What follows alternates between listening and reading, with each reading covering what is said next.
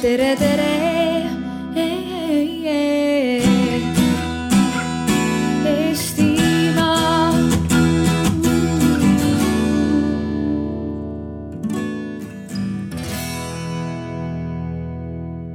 Ja äh, tervitused kõigile. kuna on ikkagi ka päikese käes kuulajaid, siis äh, kasutame mikrofone, ehkki äh, seltskond on täpselt nii palju, nii palju suur, et iseenesest kui te, kui te raatsite tulla siia telgi alla, siis saame veel lihtsamalt hakkama, et aga noh, üldiselt on, ma näen kõigil mõnusad ja mugavad kohad ja mõnus ja mugav koht on, on, on juba eos, ma arvan parem kui hakata siin nüüd ümber kolima. nii, ühesõnaga tulema ei pea kuhugi, mul on hea meel teid kõiki siin tervitada teadusalal. on, ma ei tea, kas see on tänase päeva esimene arutelu, aga, aga seekord väga praktilisel teemal sest järgmise pooleteise tunni sees me räägime sellest, kuidas lähendada teineteisele teadmisi teadmisi, mis sünnivad ülikoolides teadustööde, õppetöö kaudu ja siis ettevõtlust. Me kõik oleme kuulnud ja oskame une pealt anda mingi oma definitsiooni sellele, mis on teadmistepõhine majandus, see on üks ilus kattesõna millelegi, mille osas mulle tundub, et hetk hiljem omavahel rääkijad Äh, suudavad kokku leppida võib-olla sõnades kasu ja kasum, aga selles mitte sageli, kuidas see siis äh, saavutatakse ja mida selle kasu ja kasumi all äh, ka mõistetakse, võib jääda mõnikord, mõnikord täpsemalt läbi rääkimata. aga milline tulu võiks ettevõtluse ja, ja kõrghariduse, kõrgkooli omavahelisest kohtingust, nagu pealkiri kenasti sedastab, sündida, sellest me hakkame rääkima ja rääkijad siin äh, mikrofoniga rääkijad ja mikrofonita rääkijad on siin täna. Teie kõik olete mikrofonita rääkijad, kellel on vaieldamatult õigus mikrofonile, nii et äh, andke kohe märku ja selle sinise ähm, catchbox'i me saame teieni ilmselt kohe toimetada ja lennutada, nii et äh, olge aktiivsed ja sekkuge kaasa, aga juba siin mikrofoniga rääkijad on siis Ülle Ernits, kes on Tallinna Tervishoiu Kõrgkooli rektor tervist, rõõm näha. Mart Noorma, jätame siin nüüd hüppama vahepeal, jätame ühe osaleja vahele. ääre peal istub füüsik ja tehnikateadlane, Tartu Ülikooli kosmose ja kaitsetehnoloogia professor no ma küll ei tea, kas mind selle, sellepärast täna siia kutsuti, ma arvan, et aktsiaselts Milremi teadusdirektor on see roll, mida ma siin täna teen. ja Milremi teadusdirektor ka sinna juurde nii et sa istud korraga nagu selles mõttes ehkki ühe tooli peal, aga tänase vestluse mõttes nagu kahel toolil. Äh, olles, olles, olles ühes ja Mina teises rollis. esindaja täna siin. väga hea, äh, siis Ülle ja Mardi vahel istub Aivar Salt, kes on Tallinna Tehnikakõrgkooli ehitusinstituudi direktor minu teada ka tegelenud väga palju ettevõtlusega. kui palju praegu seda ettevõtluses vahetult näppu sees on? Ütle ühe sõnaga, palju, vähe? omajagu seda sõna ei olnud valikus, aga me oleme siin demokraatlik arutelu, võib selle sõnaga ise valida. siis edasi Ülle kõrval teisel käel Mait Rungi, ettevõtluskõrgkooli mainorrektor. aga nii palju, kui ma Maidu tegemistest tean, siis ka ikkagi väga palju vahetult ettevõtlusega seotud. ja siis täna enam mitte, no aga varasem kogemus olemas. ja Kaspar Kikerpill, kes, kes eh, tahaks meile näidata eh, masinaga ka lume koristamist, on sündinud üks Eesti selline robot, mille nimi on Lumebot aga eh, siis Tallinn-Paide tee peal selgus, on nii palju lund tal koristada, et ta alles tuleb mööda seda teed ja, ja, ja kui ta siia jõuab, siis me seda näitame, aga Kaspar saab kindlasti eh, lumepoti kogemusest ka rääkida, sest ma tean, et te kasutate ülikoolide või püüate kasutada ülikoolide teadmisi oma roboti arendamisel, aga mismoodi ja kuidas siis jõuame vestluses rääkida? ja plaan oligi see, et, et kui lumepotti ei näe, siis me näeme vähemalt Kasparit ennast ja Kaspar saab rääkida ja asendada seda, mis me äh, lumepoti asemel oleks pidanud nägema. nii ja, ja vestluse oleme mõelnud siin jagada äh, sellisesse ütleme ütleme kahte plokki peamiselt. kõigepealt võib-olla mõned sellised isiklikud kogemused, kus Mardil on võib-olla lihtsam alustada kohe hetke pärast ja, ja näidata ja rääkida sellest nii-öelda positiivsest poolest, et kuidas ülikooli ja, ja ettevõtluse koostöö mõne konkreetse näite puhul on tööle hakanud, saame kõik sellise väikese ringi teha.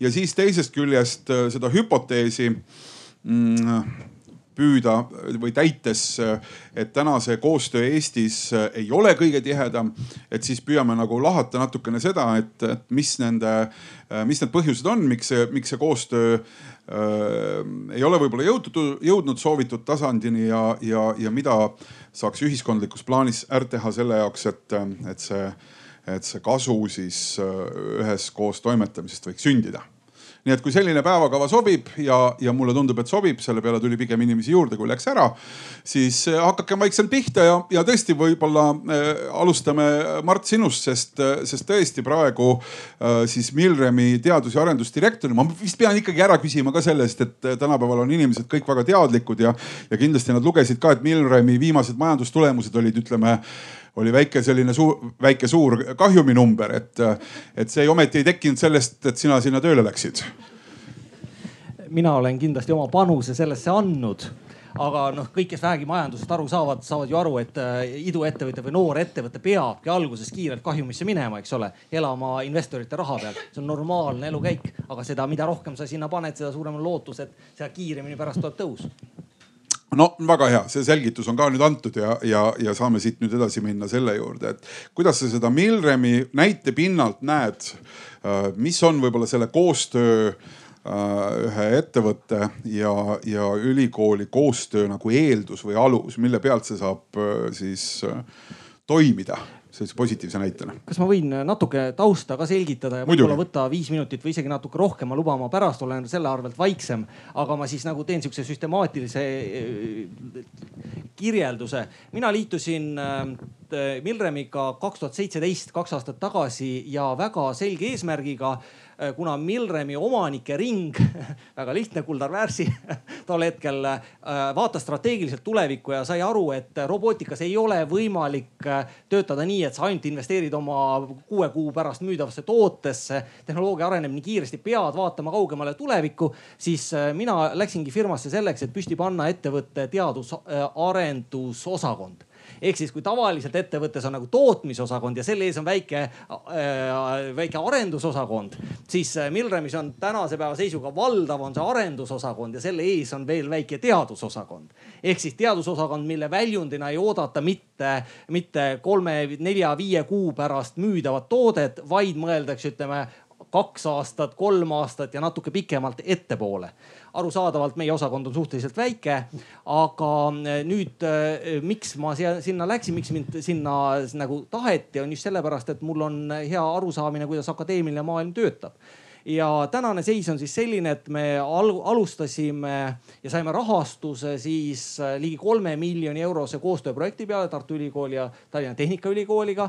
samal ajal meil äh, näiteks, näiteks äh, augusti lõpu seisuga ja septembri lõpu seisuga meil on praegu kirjutamisel kümme Euroopa projektide taotlust erinevatesse meetmetesse, kus konsortsiumis on kümned ülikoolid üle kogu Euroopa ja, ja ettevõtted üle kogu Euroopa, kes koos arendavad midagi kõigi jaoks olulist ehk siis äh, meie firmas äh, nähakse selle teema vajadust nähakse, et strateegilises koostöös ülikoolid saavad olla meile abiks. nähakse, et kui siia avalik raha ehk siis äh, Euroopa Komisjon, Eesti riik panevad õla alla, see on väga hea ettevõtte jaoks. Nii et see pool noh, on üsna selge. teine pool on nüüd see, et mida siis täpsemalt ettevõte ülikoolide käest tahab ja mis on hea koostöö aluseks. ma tegelikult panin kirja täpselt punkti haaval, ainult nii väike A5 äh, loen selle kähku ette. aga võib-olla loeme selle pärast ette, sest muidu me hakkame juba neid punkte arutama, eks ju. et võtame võib-olla praegu need näited, ma ühe asja lihtsalt küsiksin, et, et, et te tegite või õieti Milrem tegi siis selle osakonna äh, kui suure, sa ütlesid väike osakond, kui suur see osakond tegelikult on? meil on täna umbes üheksa inimest ettevõttes, doktorikraadiga inimesi on tänase seisuga kuus. Ja veel üks väike lisainfo küsimus, et kui palju sellest Milremi jaoks vajalikust äh, teadustööst teeb ära ettevõte ise ja kui palju see on äh, siis nii-öelda info, mis tuleb koostööpartnerite või teadmised, mis tulevad koostööpartnerite juurest väljaspoolt Milremi, et kui sa kuidagi suudaksid seda protsentuaalselt jagada no,. väga lihtne on öelda, et äh, tootearendus praktiliselt äh, kõik tehakse maja sees. sellest nagu strateegilisest. Milremi maja sees. Milremi maja sees, strateegilisest arendusest siis siis see üheksa inimest teadusosakonnast enam-vähem on ainult koostöökoordinaatorid. ise nad väga palju ei jõuagi teha see on selleks, et hallata siis koostöövõrgustikke mm. -hmm. väga tore, aitäh, jätame need andmed ja numbrid enam-vähem meelde, saame pärast äh, nende üle ja nende pinnalt äh, mõtteid vahetada. Aivars, milline on, äh, on tehnika siis kõrgkooli kogemus ettevõtlusega koostöös? ma arvan, et selline ma õigemini alustasin juba ennist siin, kui me päris ametlikult alustasime, tõstatasin küsimuse, et, et on ju kaks vahet, et kas rääkida koostööst akadeemilise ülikooli eh, ja ettevõtte vahel või siis rakendusliku kõrgkooli ja ettevõtte vahel. ja no siin ma pean ütlema, et tegelikult on ikkagi rakenduslikul kõrgkoolil suhteliselt lihtne elu. Eh, meil on kenasti need joonevahed paigas, tegeleme inseneride ettevalmistusega, insenere on kangesti tarvis ja nüüd noh, näpuga, näpuga juurde ka siis sellist eh, teadus-arendustegevust. ja siin Mardi juttu kuulates ma, ma tegelikult jõudsin sellise mõtteni, et äh, päris tihti tulevad kooli, koolid, õigemini tullakse kooli juurde tagasi ja ettevõtted tulevad sellise mõttekäigu tagasi, et ikkagi vanu häid tõdesid tuleb meelde tuletada, et inseneri asjanduses, kui sul algus on poolik või, või peaaegu olemata, siis väga lihtne on teha järjest äh, valesid otsuseid. nii et, et koolina me tegelikult üsna palju saame jätkuvalt tegeleda vanade põhitõdede meeldetuletamisega ja alles eile õhtul äh, rääkisin oma vana kolleegiga ühest Soome metrooprojektist, kus siis tõigi näite, et tegelikult ikkagi noh, klassikaline ehitus on tulekahju kustutamine hommikust õhtuni ilma suure plaanita ja nüüd, kui tullakse kooli juurde tagasi, siis kool kõigepealt küsib, et mis teie suur plaan on. Nii et siis noh, me saame üsna lihtsalt niimoodi teenida sellist, kuidas öelda, praktilist, praktilist väärtust ja, ja ettevõtted vaatavad meile sellise positiivse pilguga otsa ja üks võib-olla asi, mille ma praegu tooksin veel välja hea näitena, kus siis äh, üks tubli seltskond äh, pöördus meie juurde eelmisel sügisel, et, et paneks püsti mm, betooni 3D printeri sellise tuumikkeskuse. noh, minul on see teema olnud aegade algusest väga hingelähedane ja, ja nüüd see oli selles mõttes väga hea näide sellest, kuidas koostöös tegelikult genereeriti seda võrgustikku ma ütleks, et isegi genereeriti tahtmist ja, ja minu jaoks ka väga hea näide sellest, kuidas ütleme, selline poole kohaga uitmõte, mis tundus natukene ulmeline, eh, on, on tänaseks võtnud päris tõsiselt jalad alla. nii et noh, sellised esimesed mõtted minu poolt.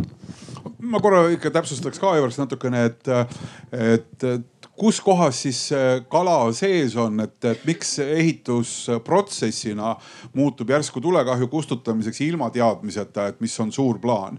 et kas nagu need inimesed, kes seda teevad, on kehvasti koolitatud, et nad kooli ajal juba ehitasid ja ei jõudnud tunnis käia või et miks see, miks see nagu selline ratsionaalne teadmine, mis võiks olla ettevõtjale kasulik, et miks see ei, kuidagi ei juurdu seal? Mul on selline väikene plaan äh, ja olen alustanud ka juba lobitööga, et, et äh, see, kuidas täna toimub ehitusinseneride ettevalmistamine, ma arvan, et seal on sellised väiksed äh, hädad küljes.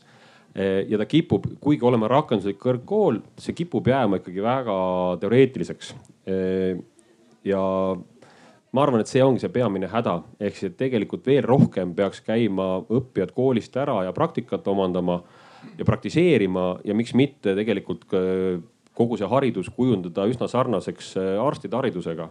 kui, kui niimoodi mõelda, siis ju tegelikult see töö iseloom on suhteliselt sarnane et sa õpid ja kätega teed ja nüüd, kui mõelda, kui kaua tegelikult arstid äh, kõigepealt äh, teevad siis praktikat ennem kui nad on täisõiguslikud arstid. et ma, ma arvan, et see häda on kuskil seal vahepeal, et, et see haridus kipub jääma natuke liiga teoreetiliseks. ehk kui ma kuidagi nagu piltlikustan, siis teie õpetate rüütlikombed ja ratsutamist, ehkki tegelikult siis peale kooli lõpetamist oleks vaja traktori juhtimist ja, ja, ja, ja, ja, ja mingeid siis matemaatilisi teadmisi näiteks arvutite vallas. Et õpetajad justkui teavad, mis on nagu õige, aga, aga kooliprogramm näeb või kuidagi eeldab teie poolt nagu õpetajate midagi muud ei, mitte seda, et, et pigem ikkagi nii, et, et sa teoreeti-, teoreetiliselt ei suuda kogu seda praktilist paketti selgeks teha, mis teda tulevuses ees on ees ootamas. et, et see on pigem sedasorti häda. liiga arv... lühidalt jääb aega mm. -hmm. selge, väga tore. järgmine koostöönäide, koostöökogemus, Ülle Tallinna Tervishoiu Kõrgkooli. meil on täitsa võrdne kohtlemine, kõigil peale minu on mikrofonid. aga me jagame seda suurepäraselt koos ettevõtluskõrgkooliga, mis tegelikult äh, natuke näitlikustab seda olukorda ka, et tervishoid ja ettevõtlus teevad koostööd.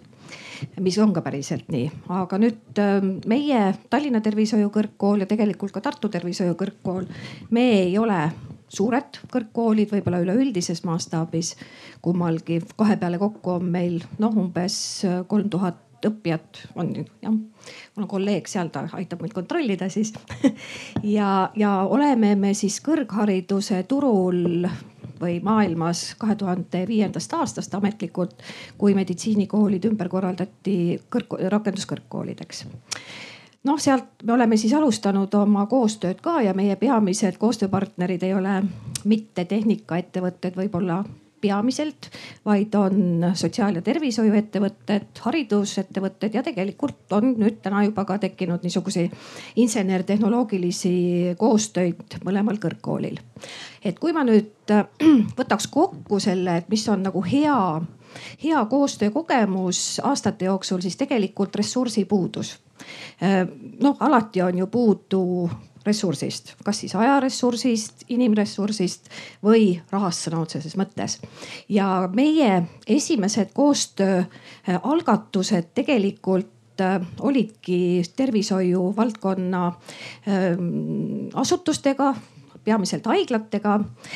teatavasti haigu, nii-öelda ravikindlustus ei sisalda sellist eraldi komponenti, mis tähendab mingit arendustööd ja kõrgkoolid ei ole ka saanud Äh, sarnaselt ülikoolidele taotleda teadusrahasid. ja siis me omavahel koos istudes leidsime võimalusi. meie andsime oma töötajale tööaega, äh, organisatsioon annab oma töötajale tööaega ja siis veel midagi ja kolmandat ja nii need algatused tegelikult sündisid ja hakkasid arenema ja nii mõnegi arengu äh, mm, ütleme lõpptulemuseks on mingisugune isegi suurem riiklik algatus et sellised äh, on need head kogemused. Ja muidugi ka see, et äh, tervishoiu valdkond. nüüd Ülle korraks, ma segan vahele korraks, äkki te kirjeldate natuke lähemalt, mis see tähendab, et teie andsite tööaega ja, ja tööandja andis ja, tööaega ja, ja lõppkokkuvõttes läks asi paremaks. ja just nimelt, et näiteks äh, meil ei olnud võimalus arendada välja, näiteks on olemas niisugune mm, õenduse diagnooside definitsioonid ja klassifikaator, klassifikatsioonid, selline, seda on, see süsteem on kasutuses juba kaheksateistkümnes riigis maailmas. ja kui Eesti õendusjuhid ja kõrgkoolide esindajad tulid umbes kümme aastat tagasi kokku, siis leiti, et tegelikult selleks, et Eesti õendustegevus oleks kvaliteetne ja läbipaistev, me vajaksime Eestisse samuti midagi taolist. ehk te põhimõtteliselt siis ja. koostöös erasektoriga ja. muutsite mingeid protsesse just, just. ja selle tulemusena tulemusena on see raamat, selle tulemusena erasektor praegu juurutab sellist äh, süsteemi elektroonilisena. meie oleme eestvedajad, äh, tõlkijad, koolitajad ja uurijad ja tänaseks oleme me juba jõudnud ka teatud rahastuseni ja tegelikult täna teatud me ootame sotsiaalmine. kes, kes rahastab siis nüüd peale seda, seda? no meid on Archimedes rahastanud siis okay. kui ja, ja tegelikult ootame me praegu sotsiaalministeeriumi uue ministri Jaad äh, nii-öelda, et saaks lausa riiklikult hakata arendama seda, sest praegu me arendame teist küll riiklikult, sellepärast et haiglad töötavad ju selle raha peal, aga haiglad ostavad praegu meie käest teenust. mida erasektor võitis sellest? erasektor võitis praegu sellest äh, selle, et kui teie lähete haiglasse ja te satute haiglasse, kus on juba see Nanda Äh, süsteem juurutatud, siis kõik teie tegevused, kõik see, mis teiega tehakse, õde äh, sisestab elektroonsesse süsteemi, kus tegelikult on spikker ees. et kui lähed köhaga haiglasse, siis õde hakkab, äh, vajutab süsteemis elektroonilises nupu peale köha ja sealt tulevad juba järgmised tunnused, sümptomid välja. mis see võimaldab, see võimaldab tegelikult, sealt tulevad soovitused, millised oleksid tegevused ja see annab kindluse selles mõttes, kõik see, mis on seotud antud haigusega saab teostatud. ehk ta muudab siis, äh, muudab siis raviprotsessi kuidagi rohkem läbipaistvamaks. läbipaistvaks, kvaliteet, et sa ei lähe mitte mälu pealt asju tegema, vaid su süsteem annab sulle nõu, mida teha. peale selle, et arsti, arsti määrused on ka olemas nii-öelda ja teine asi. miks mille... erasektor seda ei oleks saanud ise teha, miks ta teid vajas sinna äh,? sellepärast, et meie teadsime, kuidas see käib meie olime need esimesed, kes hakkasid tegelema, meie taotlesime litsentsi, meie aitasime õendusjuhtidel saada ülevaadet õendusjuhtidega koos, mhm. käisime rahvusvahelistel konverentsidel ja mis veel tegelikult sellel on ka majanduslik efekt sellisel süsteemil, sest see annab haiglajuhtidele ülevaate sellest, kui palju midagi on kasutatud, milliseid vahendeid. arusaadav mm. -hmm väga hea Ülle, aitäh, kohe vaatame, kas Mainoril on midagi sarnast vastu panna, sest mulle tundus, et siin äh, oli selles, äh, see võis olla selline kuldnäide mingis mõttes, et teadusasutus tõepoolest kogub informatsiooni, kogub teadmised ja aitab erasektoril siis tõesti muuta seda äh, teadmisi kasutades situatsiooni efektiivseks. Mait, Mainori näide ühelt poolt me oleme tervishoiu kõrgkooliga täitsa sarnased, sest me mõlemad oleme teenuse valdkonnas tegutsevad kõrgkoolid. teiselt poolt äh, see valdkondlik taust, ühel meditsiin, teisel äh, majandus, IT ja, ja kunstid. me oleme ka hoopis erinevates valdkondades aga kui siin algselt äh, Aivar mainis seda dimensiooni, et on, et tasub eristada akadeemilist ja, ja rakenduslikku kõrgkooli, siis ma tooks siia veel ühe dimensiooni juurde, mille järgi vaadata koostööd äh, ettevõtete ja kõrgkoolide vahel ja selleks on, äh, kas äh, see koostöö toimub õppetöö alal või see koostöö toimub rakendusuuringute alal ehk teadus, teaduskoostöö ja rakenduskoostöö. ja noh, täna on ja siitkohast saab vast tuua mitut näidet. Üks näide on õppe osas, kui alustada, on saab äh, Mainor välja tuua sel aastal alustatud äh, Cleveron Akadeemia, kus me teeme siis äh, Viljandi robootikaettevõtte, postiettevõtte, postipakiettevõtte Cleveroniga koostööd ja me hakkame sügisest siis õpetama robootikatudengeid seal. ja see on selles suhtes suhteliselt enneolematu näide siin Eestis, kus üks ettevõte loob oma ülikooli, oma akadeemia ja loob siis kuna tal oma põhitegevusala on kuskil mujal, siis loob seda koostöös äh, kõrgkooliga ja sedakaudu siis pakutakse, äh, rahuldab ta oma siis äh, tööjõuvajadust. teine koostöö näide tuleb meie enda linnakust, kus me asu, asume ja tuleb meie emafirmast, et me asume siis Ülemiste City linnakus, targa, targa, targas linnas, targas tulevikulinnas. Ja see tark tulevikulinna osas ma ei saa ka praegu reklaami tegemata jätta, et kohe peale seda äh, diskussiooni siin, arutelu siin äh, kell kaks hakkab äh, alal number kakskümmend kaks tulevikutöö alal äh, targa linna arutelu, kus on ka kuulda ja näha, kuidas, kuidas siis see meie linnak on seal arenenud. aga tulles tagasi sellele linnaku äh, juurde mainitud koostööle, siis meie linnaku arendaja Vaino Ülemiste Äh, alustas sel suvel koostööd siis äh, Tallinna Tehnikaülikooliga, kus neil on äh, ühise, üheskoos teeb üks ülikool ja linnaku arendaja teevad koostööd targa linna professuuri raames, mis siis sisaldab väga erinevaid tegevusi, mis peaks seda linnakut parandama ja, ja arendama. kui need on nüüd näited sellega, kus Mainor ise on ühte või teistpidi seotud, siis tegelikult ega neid näiteid ettevõtete hulgast on veel küll ja küll, et väga paljud eh, iduettevõtted, mis on üks minu huvialadest, teevad siin Eestis koostööd ülikoolidega või on saanud suure sisendi ülikoolidest, kasvõi näiteks lingvist, kes kasutab siis, kelle asutaja kasutab CERN-is välja töötatud algoritme ja mõtteid ka keeleõppe osas. aga ka teada-tuntud on Uberi näide, kes siis isesõitva auto osas teeb väga mitmete ülikoolidega koostööd, rääkimata suurtest gigantidest välismaal et üks mu lemmikautomärkidest BMW teeb teatavasti väga mitmekülgset koostööd nii nii erinevate ülikoolidega nii tehnoloogiaarenduse osas, aga BMW ei unusta ära ka kõike seda, mis äh, käib ühe tehnoloogia arendamisega kaasas, et see tehnoloogia tööle hakkaks, selleks on ikkagi tarvis äh, ka ärimudelit, mis näitaks äh, kellele seda tehakse, kuidas seda tehakse ja kust seda peamist väärtust luua. sa nüüd läksid Eesti tasandilt ikkagi täitsa eemale ära, et BMW vist Eestis ei tee midagi BMW Eestis ei tee midagi, aga need algsed näited olid need, mis olid mhm. meil siis äh, meie enda osas ja olid Eesti tasandil. Kaspar äh,, lumepott äh,, millist tulu või koostööd, millises vormis on Eesti kõrgkoolidega teinud?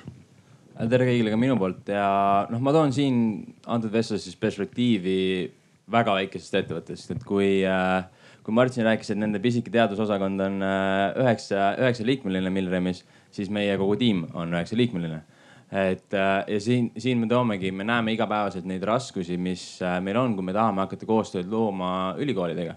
Äh, põhiliselt on siis see, et, et ülikoolidega edukalt koostööd teha, sa pead väga hästi aru saama, kuidas antud ülikool või teaduskond toimib. ja kui sul ei ole seda siseinfot, siis seda ettevõttele kasulikult rakendada on väga-väga keeruline. ja see on, see on selline raske olukord, mida me oleme proovinud äh, nii-öelda lahendada. noh, me leiame siin koostööviise ja arendame neid jooksvalt.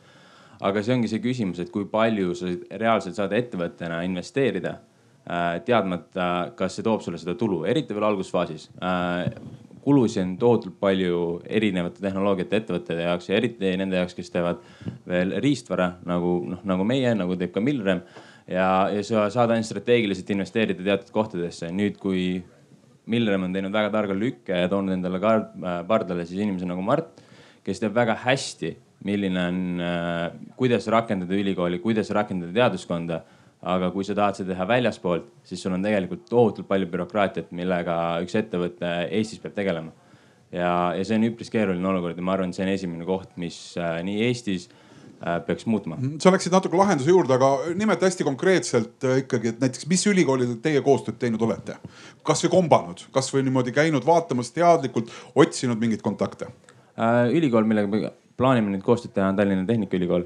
veel ei ole teinud, plaanite teha? just see nii-öelda järgmisesse aastasse jääb siis see, see plaan, see võtab natukene aega, siin on no, samamoodi projektide. kas nemad teavad ka, et te plaanite nendega koostööd teha see ei tule nendele ka üllatusena mm -hmm. tõesti, et, äh, et see ongi, et see on, siin ongi see pool, et me peame hakkama kirjutama projekte ja, ja siis lootma, et see projekt saab rahastatud ja siis lootma, et see projekt, mis sai rahastatud, toob kasu nii ülikoolile kui ettevõttele. et siin on hästi palju niisuguseid aga-kohtasid või lootuskohtasid, mis tegelikult äh, natukene ebasoodustavad seda olukorda.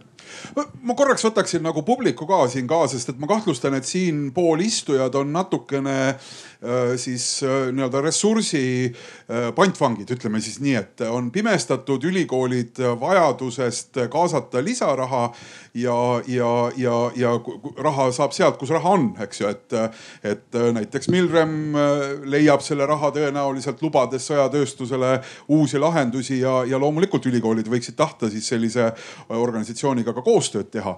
aga ma korra küsin, et kas kellelgi Äh, on või kas, kas me oleme kõik ühel meelel selle osas, et Eesti kõrgkoolid peavad tegema koostööd teadusega, äh, vabandust, majandusega. et kas see tegelikult on Eesti kõrgkoolide ülesanne et äh, me võtame seda siin nagu väga loomulikuna, siin rääkijad, ma arvan, just selle rahastuse tõttu võtavad seda väga, väga loomulikuna, aga see, see küsimus tahaks natukene, ma arvan, korraks niimoodi äh, kraadimist ja siis siin rääkijate vastamist. ma saan aru, et sina oled meil abis mikrofoni toimetamise osas, jah. härra tahab seal kohe rääkida ja ma paari tuttavat nägu seal taga näen veel, kellele ma. Urmas, Urmas, hästi ühe minuti sekkun, ei ole raha pärast, see on, e-, see on eesmärgi pärast, suurte eesmärkide pärast. Äh, ettevõtetel. mõlemal poolel. ja no väga, see on, ma peaaegu usun nii, palun. jah, äh, tõepoolest ma, mina olen Tallinna Tehnikaülikool ja Mart Minn on minu nimi. ma olen teinud koostööd Äh, ettevõtlusega Eestis, Euroopas ja Ameerikas. ja ma olen üsna mures, et ma ei saa koostööd teha Eestiga. miks ma pean jooksma ringi üle ookeani ja otsima sealt võimalusi ja tülikusi, aga Eestis nagu ei õnnestu. miks ei õnnestu? kõigepealt see, et teadlane tahab ellu jääda. teadlane tahab, tal on vaja raha ellujäämiseks ja mina ei ole, me teeme Eestiga koostööd, aga need on niinimetatud sutsud. kaks tuhat, kolm tuhat. tooge näide üks mingist konkreetsest sutsust, Sutsud mida teie on- olete teinud mingi ettevõttega koostöös. no näiteks Normaga. Nii. teeme neile seal need äh, lindid või peldid, noh need. Turvavööd. turvavööd jah. nii, mis te olete teinud seal? Nad on ammu valmis, nad tegid no nõukogude ajal seda juba. tootmise kiirendamine, tootmised, nad on hästi autotööstuse mm -hmm. normid peab tegema väga tiheda, kindla kontrolli, nii kui on õnnetus, on, on, kes on süüdi. seal käib väga tihe nii-öelda liini peal testimine, me oleme teinud sinna automaattesterid peale ja nii edasi. ja selle eest saite kaks tuhat eurot. no ikka natuke rohkem. Ah, no, no, palun väga, no nii. no need on võib-olla kõige, no ütleme suuremad, noh, ütleme kümmekond tuhat või nii. aga kui me teeme seda midagi tõsisemat tööd, no näiteks Ühendriikides, siis see kümme tuhat läheb kümneks miljoniks. ja vaata, siin on vahe ikkagi tuhat korda. väga tore, väga tore. me jõuame nende põhjuste juurde, miks see on siis äh, Eestis raske, aga väga tore näide, seal oli üks käsi ja siis ma paluksin sinna tahapoole ka toimetada veel. väga vahva mikrofon on äh,. Aiki Pärle, Eesti Ettevõtluskõrgkool Mainor ähm, mitte ainult sellepärast, et ma olen ise rakenduskõrgkoolis ka õppejõud, vaid ka sellepärast, et ma olen ka õppinud äh, Tartu Ülikoolis, ehk siis mõlemalt poolt on äh, nii mulje kui kogemus. Äh, mida rakenduskõrgkooli võib-olla selliseks suureks plussiks ja tugevuseks võib öelda, ongi eelkõige see, et me õpetame nagu päriselu ja see peaks olema ka tegelikult nii akadeemilises hariduses väga oluline punkt aga ka noh, eelkõige see on juba ka rak-. vabandust, ma segan vahele, küsimus oli, et mik, kas peab üldse tegema just, ja miks jah, siis? peab ja Nii. just ja see ongi see, et kui me, kui me nii-öelda õpetame päriselu ja, ja ikkagi kõrgkooli eesmärk on ka teadust teha. ehk siis me õpetamegi vastavalt vajadusele, vastavalt sellele, mida tegelikult majandus vajab ja mida me tegelikult nii-öelda riigi hüvanguks saame teha. ehk te tagurpidi ütlete, et majandus selle kaudu õpetab ülikooli, õpetab kõrgkooli, eks ju. no nii, väga tore. viigime siia tahapoole ka veel siit niimoodi otse seal ülikooli inimesed, kes seal on, kõrgkooli, kõrgharidusega seotud inimesed. kas kõrgkoolid peavad tegelema ettevõtluse, ettevõtlusega koostööga ja miks? tere, et ma tegelikult natukene laiendaksin seda teemat, et me tooks siia ka riigi dimensiooni. et kui vaadata tagasi, kuidas Soomes kaheksakümnendatel riik teadusasutused ja ettevõtlus koostööd tegi. et sealt kasvas välja Nokia edulugu, samamoodi Iirimaal, kus siis suured tehnoloogiafirmad on ennast nüüdseks sisse seadnud, et samamoodi riik, kõrgkoolid ja ettevõtjad teevad koostööd. et, et tegelikult võiks ka Eestis seda nagu rohkem laiendada ja, ja kasutada sellist lähenemist. väga tore, ma veel ootan, et, et keegi ikkagi veel korraks kommenteeriks, ma lihtsalt lisan võib-olla natukene, proovin õli panna tulle ja, ja provotseerida natukene äh, ettevõtlusel on nagu väga konkreetne ülesanne, seal, seal aktsionärid vaatavad väga selgelt väga konkreetseid numbreid ja enamasti nad on seotud, see tulemuslikkus on seotud äh, mingi sellise äh, kasumi ootuse täitmisega. kuhu jääb siis akadeemiline vabadus, kui ettevõtlus suunab äh, siis oma rahadega paremini toimima need valdkonnad, mis, mis justkui pakuvad kiirema kasu. ja noh, võingi tuua näiteks siin, julgen jälle veel provotseerimisele veel hoogu juurde panna. et selge, et Milremil on tohutu eelis, rahamass sõjatööstuses on kahtlusteta suurem kui näiteks mõnes sotsiaalvaldkonnas, mis, mille, mille, mille nii-öelda vahetu kasu või vahetu tulu võib olla palju pikema aja peale planeeritud ja palju juhuslikum olemuslikult. palun. nii Urmas, ma allusin siis provokatsioonile. minu nimi on Anu Reinart ja olen Tartu Ülikoolist ja tõepoolest, ma olen tegelikult mõelnud selle vestluse ajal juba siin ka, et et ma kindlasti arvan, et äh, ülikoolid ja akadeemilised inimesed, teadlased, õppejõud äh, peavad tegema koostööd ettevõtlusega, peavad tegema koostööd riigiga, et ava, ava, aru saada avaliku sektori vajadustest, selle toimimisest. ja siiski ma arvan, et, et hästi tähtis roll on ülikoolidel hariduse andmine ja akadeemilise teaduse arendamine. et ma arvan, et meil Eestis on see mure tegelikult, et me oleme ikka imeväikesed ja kui me võtame proportsionaalselt, noh näiteks ülikoolis, et jagame siis laias laastus kolmeks, et üks kolmandik on haridust, üks kolmandik on teadust, üks kolmandik on äh, ettevõtlusega koostööd. et kui me võtame näiteks mingi tuhat raha, siis kolmandik sellest on umbes kolmsada kolmkümmend kolm.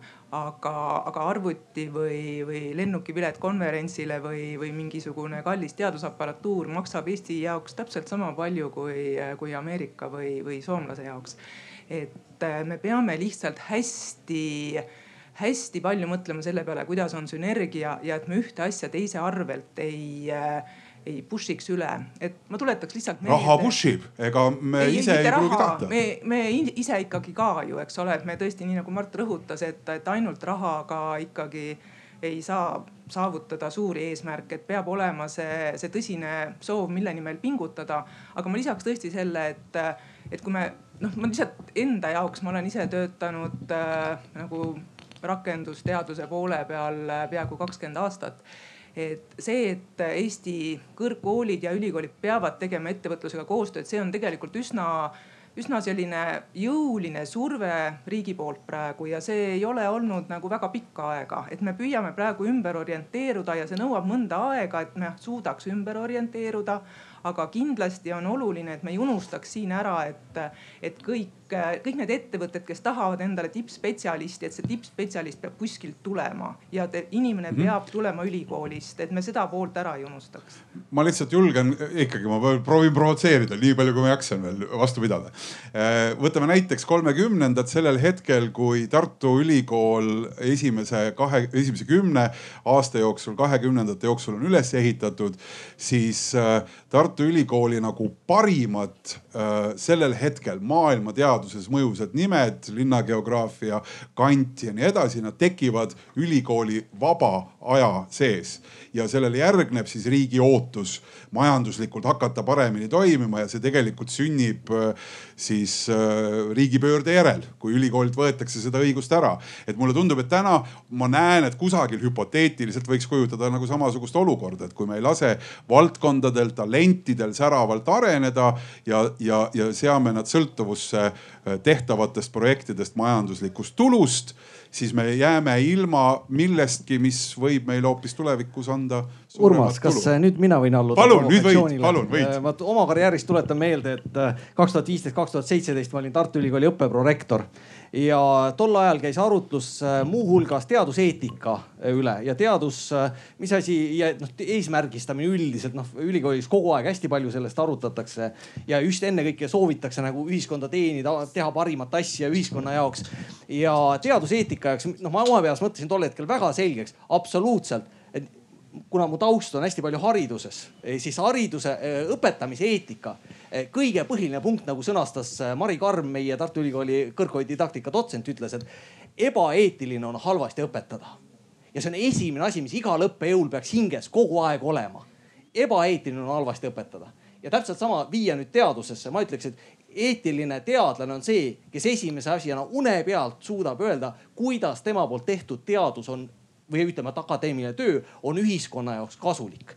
kas see on strateegilises perspektiivis kasulik, kas see on tänase, homse tootearenduse jaoks kasulik, kas see annab väga hästi välja koolitatud üliõpilasi ettevõtete ja riigi ja, ja tulevaste teadlaste näol aga see küsimus iga inimene üksikisiku tasemel peab suutma enda jaoks ära vastata. ja kui ta ei mõtle selles kategoorias, siis ülevalt alla, kui, kui see ei ole esimene eesmärk talle enda jaoks selgeks teha, siis me kaugele ei jõua. suurepärane, aitäh. seal taga veel proua soovis, äh, käega annab märku kohe, mikrofon jõuab sinna. Öelge uuesti, tutvustage. Krista Loopmaa Tallinna Ülikoolist ja ma tahaksin nagu äh, reageerida sellele, kus, kus on akadeemiline vabadus. kui me räägime koostööd ülikoolide või kõrgkoolide koostööst ettevõtetega, siis tegelikult nõudmine selle teadmise järele tuleb ju tegelikult ettevõttelt ja, ja seal on, on ja teiselt poolt on jälle nii, et kui me räägime sotsiaalteadustest, siis sotsiaalteaduste äh, seos peaks olema rohkem nagu ühiskonnaga, et, et tõepoolest äh, õpetada inimesi ja, ja laiemalt elanikke mõistma, mis siis toimub meie ümber.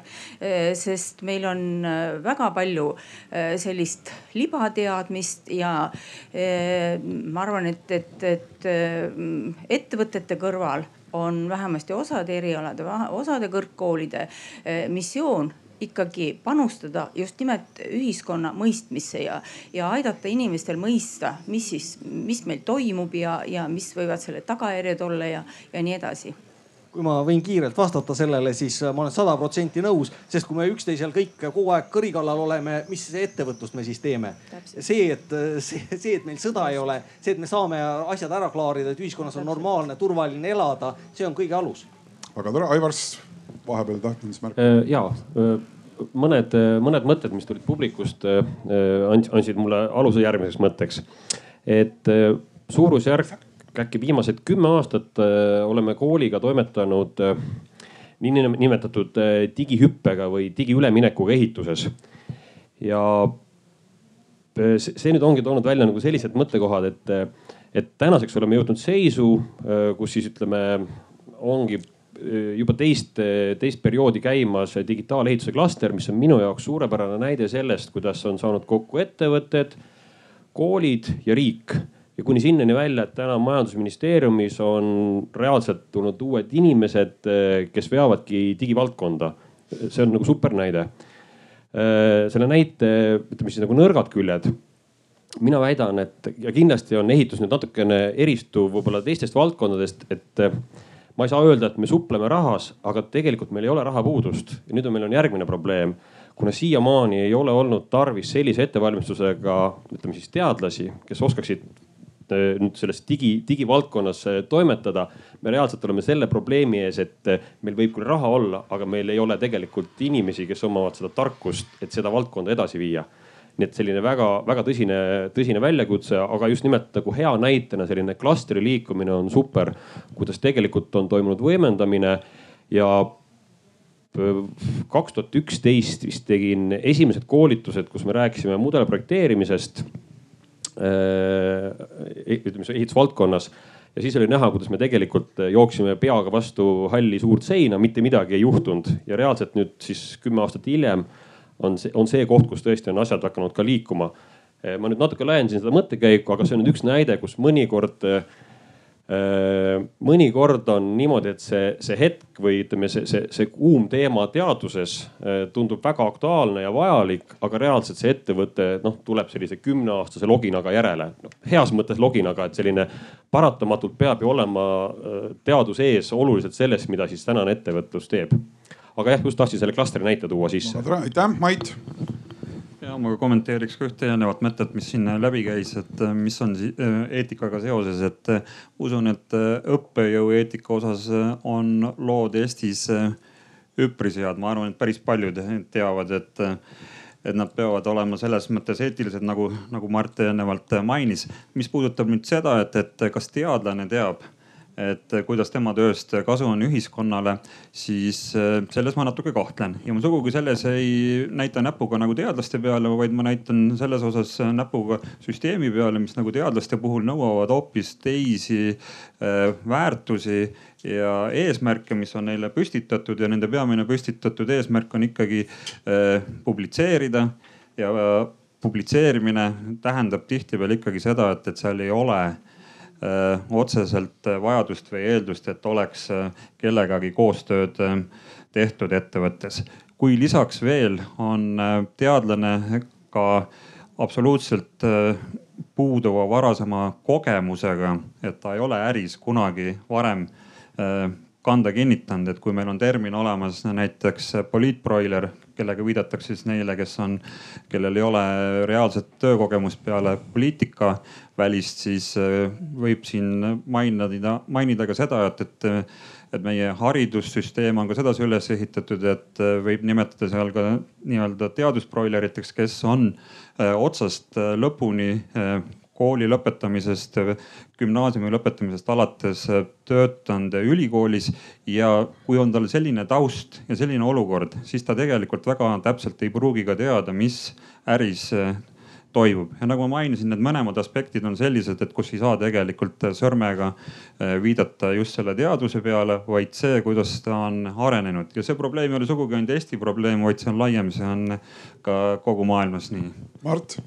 Ma ki kiirelt tahaks sellele vastata, et äh, see, mis sa räägid, on õige ühes väikeses osas meie elus. Ehk see osa, mis puudutab äri ja ettevõtlust. aga peale seda on tegelikult väga suur osa, mis puudutab näiteks kliimamuutusi, näiteks relatiivsusteooria avastamist, mis võimaldab kogu meie tänase GPS-i ja positsioneerimise ja nii edasi ja nii edasi. ehk siis see nagu strateegiline teaduspool, kus nüüd need põhimõtted üldse ei kehti. see, mis puudutab seda, et äh, see väljund teadlasel, mis peab tooma, ütleme, ütleme aasta viie aasta, kümne aasta jooksul otsese majandusliku kasvu. selles osas loomulikult, eh, kellel on vähegi ettevõtluskogemus teadlastest, see töötab efektiivsemana. aga seal on teine pool, see strateegiline teadus, see kaugemale vaatav teadus, mida on täpselt samamoodi vaja, võib-olla isegi rohkem. sa räägidki sellest akadeemilisest vabadusest, mis ei tohi kaduda. ei, vabadus, akadeemiline vabadus on täiesti teine asi. akadeemiline vabadus on see, et kui mina olen aru saanud, et üks konkreetne partei teeb Eestile kurja ja ma seda põhjendan oma teadustulemustena ja ma seda kõva häälega välja ütlen, siis ülikooli rektor ei või mind selle eest vallandada.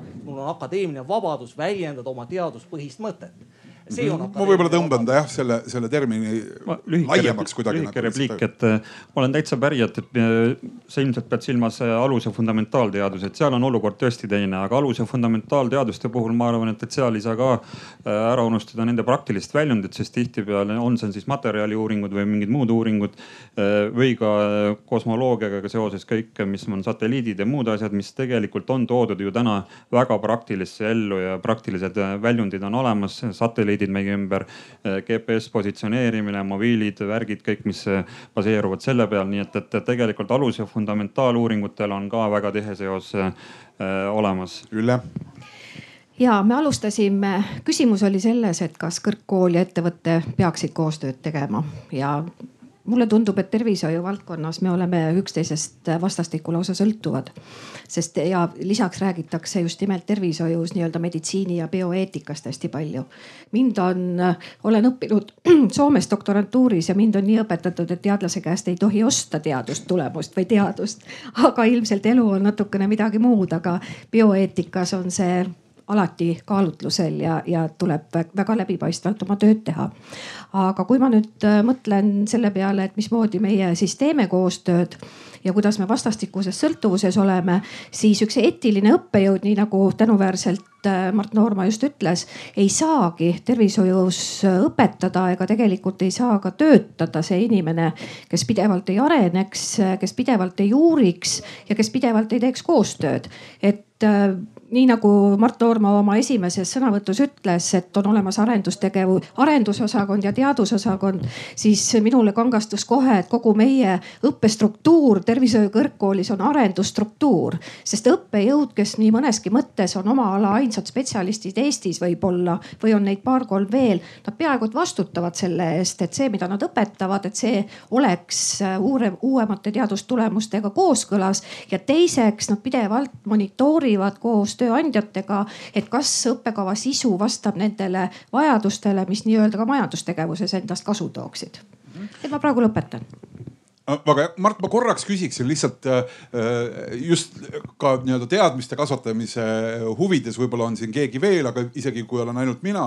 et kuidas me siis seda võiksime nimetada, et kui akadeemiline vabadus on tõesti mingi maailmavaateline äh, seisukoha väljendamise vabadus äh, siis rektorist või ülikoolist mööda, eks ju, et, et, et mis see on kuidas seda vabadust siis võiks nimetada, mis jääb äh, vabaduseks äh, ähm, sõltumata siis ettevõtluse tellimustest, et kuidas me seda vabadust võiksime nimetada? seda on äh, noh korraks alustame, kust teadus üldse hakkas pihta ajaloos, hakkas pihta sealt baltisakslased, väga hea näide.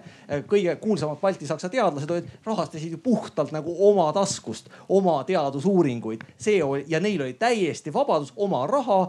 see uurin täpselt seda, mis mulle kõige rohkem meeldib. nüüd, kui meie raha tuleb kuskilt mujalt, kas siis äh, maksumaksja taskust otse või siis tuleb ettevõtja käest, siis meil on valik, kas me ettevõtja raha võtame vastu ja selle raha eest siis oma, säilitades akadeemilist vabadust, täidame see, aitame seda ettevõtjat mm. -hmm. kui see raha tuleb äh, maksumaksja taskust, siis on sellest rahast osa, mis tuleb väga selge tellimusega. palun aidake sotsiaalministeeriumil, sotsiaalministeeriumil vastata sellele küsimusele ja siis on teine osa, mis tuleb ETAG-i kaudu, millest suur osa on selline, et pange oma parimad ideed lauale ja neist siis noh, ühele kahekümnend, kümnest antakse raha, sest rohkem lihtsalt ei jätku. ja too on nagu täieliku vabaduse teadus, kus, aga seal on veel eriti tähtis see, et kui sa sinna taotluse esitad, et sa oma peas, sul on väga selge, kas siis selles süvateaduse suunas või siis äh, rakenduslikuma poole peal, aga sa suudad väga selgelt põhjendada, mis kasu pikas perspektiivis või lühemas maksumaksja,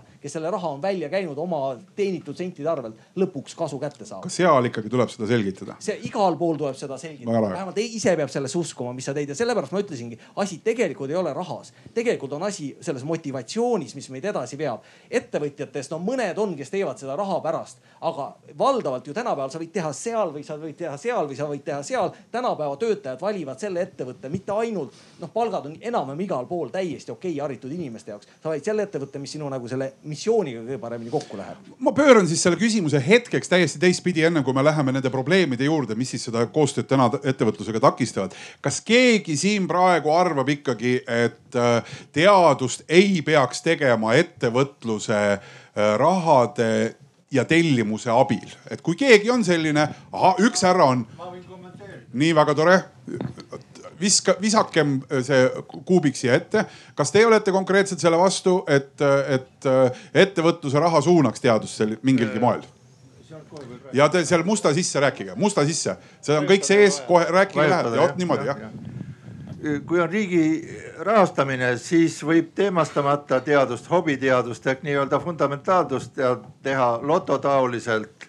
viisteist protsenti peaks riik panema sinna raha ja kaheksakümmend viis protsenti panema riik äh, ülikooli niisugust teemastatut, mis on Eesti tööstuse ja raha, rahamasinatega seotud ja.... kas see on teie jaotus selline sisetunde järgi viisteist, jah, et siis ei oleks siin, kas me lükkame kõik sinna äh, akadeemilisse täielikku vabadusse, teeme ainult hobiteadust või siis äh, rügame ainult selle. nagu te kuulsite, Mart Noorma ütles, et hobiteadust ei ole olemas, iga teadlane ikkagi püüab teha midagi, mis ühiskonnale oleks kasulik. aga ei, ta teeb, mis on temale kasulik, iga, iga raha teadlasele on kasulik, kuid kulukas ühiskonnale, kui sealt midagi tagasi ei tule siis, siis ongi ainukeseks kuluks jääb, kui see kaheksakümmend viis protsenti nüüd kuidagi tekitab teemastatud ja on seotud meid raha teeniv, rahamasinate teemadega, siis on võimalus, et see raha teenib tagasi rahamaksjale. aga kui, kui, kui praegu tundub, et, et kogu see riiklik teadusrahastus on teemastamata, kõik on loto, kui ma pere eelarve teeks loto peale. mille peale te ütlete, et see tundub, et see nii, kas te arvate või teate, et see on teemastamata? ta ei, ei küsita näiteks teadusagentuur, kes räägib, kes jaotab seda riigi teaduse raha. ta ei uuri ettevõtete käest, missugused on nende eelluure teemad ülikoolile. et mida ülikoolid peaks tegema, et, et, et ettevõttel oleks põhjust ülikooli tulla Mm -hmm. praegu ütleb hobiteadlane ülikoolis, et mu, mu hobiteema on juba rahastatud riigi poolt, äh, sõida seenele ettevõtjale. nii, publikust tuleb kohe vastu või nii-öelda selgitus või laiendus või täpsustus. Andres, ma tahaks sulle jubedalt vastu vaielda, ma, ma arvan, et sa tegelikult eksid, et ma ei tea, kas siin on keegi, kes on kursis Eesti teadusrahastuse proportsioonidega, aga see raha, millest sina räägid või mille kohta Mart ütles, et ETAG jagab äh, grantidele, see on tegelikult väga väike osa Eesti, Eesti teadusrahastusest Eh, ja see ei ole mitte ainult, mina, ma tõesti ei kasutaks seda uudishimupõhist või hobiteadust, et see, see on kindlasti see osa teadusest, mille arvelt Eesti rahvusvahelises teadusmaastikus on pälvinud endale tippteadlastega riigi maine. teadlasi on promill. kui me lähtume ainult promilli. Andres, minu kord oli et ma tahaks öelda, et see ei ole, see ei ole ainult hobi, et seal on tõesti tohutult palju sellist teadmist, mille, mille väärtust me võib-olla suudame hinnata aastakümnete pärast. aga tegelikult Eesti teadusrahastuse süsteemis on väga palju sellist raha ka, kus on, kus on programmipõhiselt näiteks näiteks on ETAG käivitanud riigi tellimusel tehtavate rakendusuuringute programmi ja kindlasti seal on ka ettevõtetega koostööprogramm, mille nimi on Nutikas, see, millest ma rääkisin, rakenduste programm on RITA. et nende, nende kogusummad, ma ei julge numbreid öelda, ma lihtsalt ei mm -hmm. tea neid peast ja parem ei, ei luiskaks siin, aga, aga need on kindlasti samas suurusjärgus, kui on nüüd see grandipõhiselt jagatav eh, nii-öelda teemata teadus ja ma usun, et seda on ka vaja. Aga lihtsalt tahtsin öelda, et, et võib-olla võib-olla see emotsionaalne mulje äh, igal inimesel on erinev, et aga päris kindlasti see ei ole nii, et kõik raha läheb lihtsalt hobi peale lihtsalt võib-olla tahaks siia tõmmata joonega vahele, sest et meie fookus nüüd sellel arutelul on tegelikult natukene teine. lihtsalt küsimus äh, on ju noh, lõppude lõpuks ikkagi rahas, eks ju, et mille abil seda tegevust ja protsessi rahastatakse. ma ei ja... ole, ma ei ole lihtsalt mees metsas. ma saan aru. mul on omal äh, tehas ja me kuulume Eesti Elektroonikatööstuse Liitu ja oleme koostamas seda, koostanud juba äh, tööstuspoliitika rohelise raamatu. teaduspoliitika roheline raamat on puudu, et saaks teadust ja tööstust omavahel sünkroniseerida ja selle viie aasta jooksul, mis me oleme tööstuspoliitika raamatut koostanud oleme pidevalt teinud teadusagentuuri poole ettepanekuid, et, et teatud osa rahast ikkagi arvestage, et meil on rahamasinad olemas. ärge keerake selja ja mõelge siis, mis teadusvaldkonnad meil võiks olla mm. -hmm. aga selja taga on Eestis juba välja kujunenud tööstusharud. Need rahamasinad töötajad, kui neid saaks natukene aidata konkurentsivõimet tõsta selle asemel, et neile selga keerata, vaadatakse hoopis teisele poole ja, ja räägitakse, et huvitav. väga tore, kas ma võin küsida nüüd? Või, või teeme veel midagi või. Äh, mis on takistanud teil kõrgkoolidega seda koostööd tegemast? miks te ei ole, miks te ei ole oma rahamasinat ülikooliga? kes seal vahel rahastaja on teadusagentuur ei, teie ma... raha ju rahastate te ise ikkagi, et teie leiate ei. projekti ülikooliga, teete koostööd. teadusagentuur äh, blokeerib teadlase ülikoolis oma hobitegevusega. kui me saaks teadusagentuurile öelda et, et kaheksakümmend viis protsenti vaadake neid äh, tööstusharu teemasid ja andke raha nüüd äh, teemast, mitte ainult kõik sada protsenti teemastamata, aga kaheksakümmend viis, jätke viisteist protsenti lotole see on ju mõistlik, kui pereisa. seda te juba kogu... ütlesite, see, see on juba arusaadav, see mõttekäiku hakkame kordama.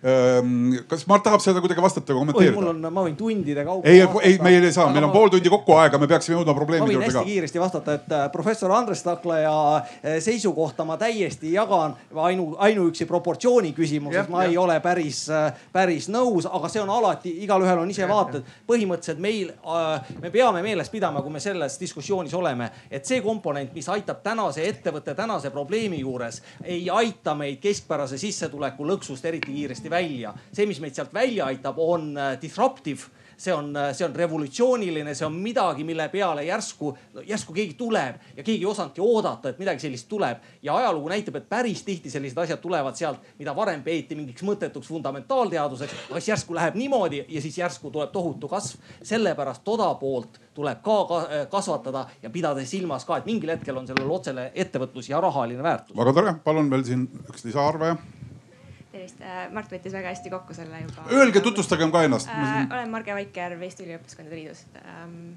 Mart võttis enamasti, enam-vähem selle kokku äh,, mis äh, puudutab fundamentaalteadusi. et kui me selle nii-öelda hobiteaduse või fundamentaalteaduse rahastuse kinni keeraksime täna, siis äh, hommikul värske teaduse alal me kuulsime, et täna või homme ei juhtuks midagi, aga kümne aasta pärast meil jääks rakendusteadustes puudu neid teemasid, mida uurima hakata ja millest ettevõtetel siis kasu oleks.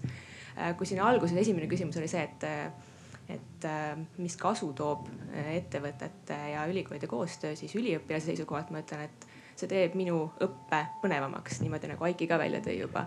et äh, tudengite motivatsioonil on ka hästi oluline see ja meie järgnevate spetsialistide järelkasvuks on oluline see, et see koostöö toimiks aitäh Läheme nüüd selle juurde, mille osas Mardil on pisikene märk, märkuste leht põuetaskus, seal oli viis punkti. aga ma ei lase sul kõigepealt selle rääkida, sest et sa oled juba nii põhjalikult ette mõelnud. ehk mis siis seda koostööd takistab? Andres Taklaja näide on ju tegelikult väga hea. kui kusagil on rahamasinad olemas ja huvi teaduse vastu olemas, siis miski seda koostööd takistab. mis, Aivar, hakkame sinust siis pihta äh,. räägin oma kolleegide näitel, et äh, mul on üks väga noor ja tubli kolleeg, kes on tegelenud geosünteetidega ehk siis lihtsas keeles tegeleb sellega, miks teed lagunevad. ja ta on tegelikult ehitanud üles väga vinge uurimissuuna.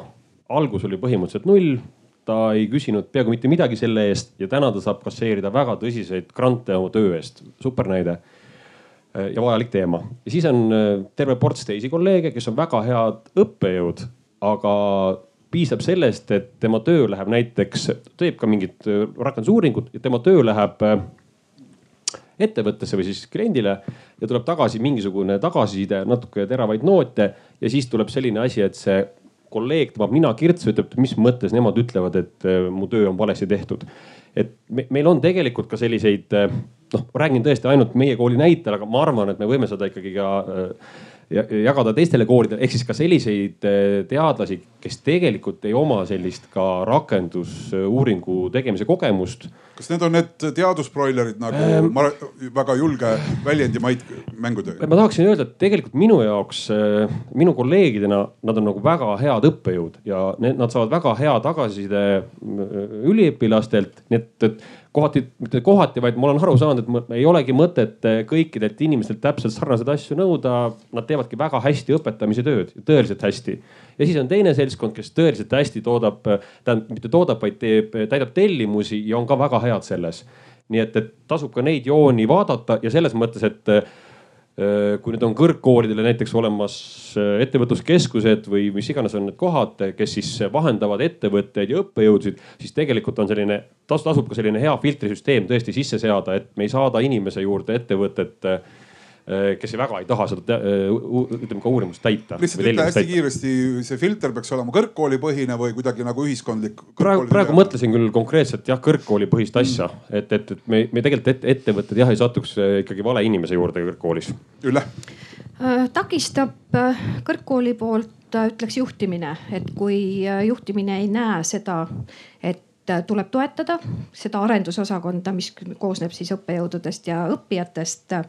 ja kui nüüd saab kokku äh, ettevõtja ja õppejõud või üliõpilane ja ettevõtte esindaja, siis tavaliselt takistab äh, missioonipuudus, visioonipuudus, motivatsioon, huvi tavaliselt sellisel alguse tasandil.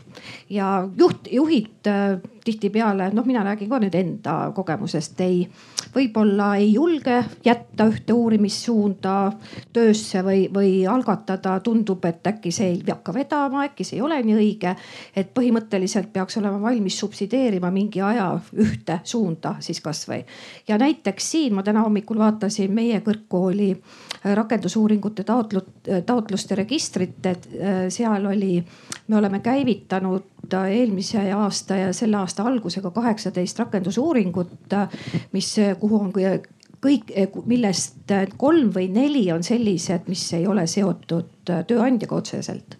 Et ega siin muud ei ole, algus on alati see, kus pead lihtsalt natukene hull olema ja uskuma ja, ja kui saavad kokku tööandja poole pealt inimene, kes tahab seda teha eh, kõrgkooli poole pealt samuti ja kui juhid ka mõistvad on, küll siis leiduvad lahendused ka. muidugi absoluutselt teatud piirini, et ühel hetkel tuleb sein ette, et sa lihtsalt ei saa anda aega oma, omaenda sellest eelarvest. mis see põhiline juhtimise viga on selle juures, mida juhid siis teevad? no ilmselt see ongi niisugune, võib-olla on väike noh, eks meid ju ka kangesti, noh meid ju ka kontrollitakse ja, ja et kuidas me oma eelarvet kasutame ja, ja et kas me oleme jätkusuutlikud ja ja kas kõik need otsused, mis me teeme, on ikkagi kõrgkooli ja ühiskonna huvides tehtud.